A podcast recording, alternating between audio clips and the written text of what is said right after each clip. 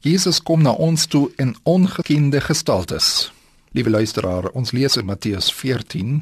Toe sy disippels hom op die see sien loop, het hulle groot geskrik en gesê: "Dis 'n spook."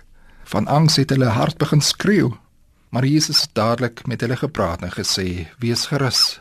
Dit is ek. Moenie bang wees nie." Nou het ons al geleer, storms kom oor disippels nie noodwendig omdat hulle foute gemaak het nie, maar op grond van 'n goddelike bevel. Jesus stuur sy disippels midde in die storm in om hulle te vorm, om op sy teenwoordigheid staat te maak al sien hulle hom nie. En ons het geleer dat Jesus vir ons bid en jy staan op die regte tyd ingryp wanneer dit sy tyd is. Vandag word ons geloofsvertroue verder ingeskerp. Jesus kom na ons toe in ongekende gestaltes. Dit lyk asof Jesus gekamoufleer is. Ons kan hom nie herken nie. Ons weet nie wie dit is nie. Dis 'n spook, skree die disippels. Jesus kom, maar dit lyk nie soos Jesus nie. Sien, jy mag dalk dink God kom na jou toe slegs deur 'n predikant of 'n hooggelowige persoon in die kerk of tydens groot gebedsbyeenkomste.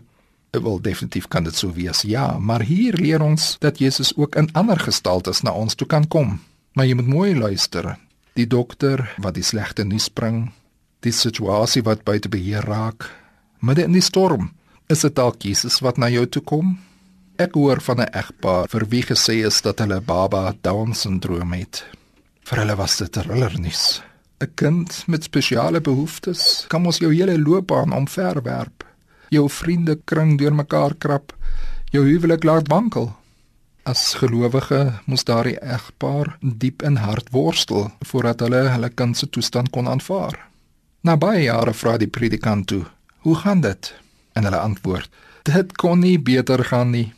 Daardie kind het vir ons geleer hoe destruktief 'n selfgesentreerde lewe is. Daardie kind het vir ons opofferings geleer en wat ware liefde beteken en waaroor werklik die lewe gaan.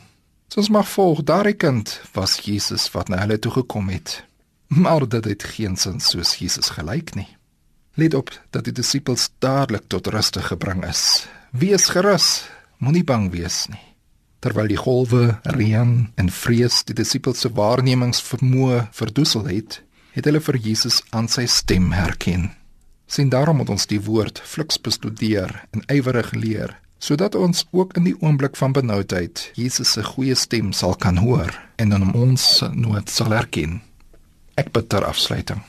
Here God, U woord is ons lamp op die pad en 'n lig wat ons die rigting wys Wat 'n voorreg om met U as die ware lig in verbinding te wees, sodat ook ons tot lig vir die wêreld mag wees.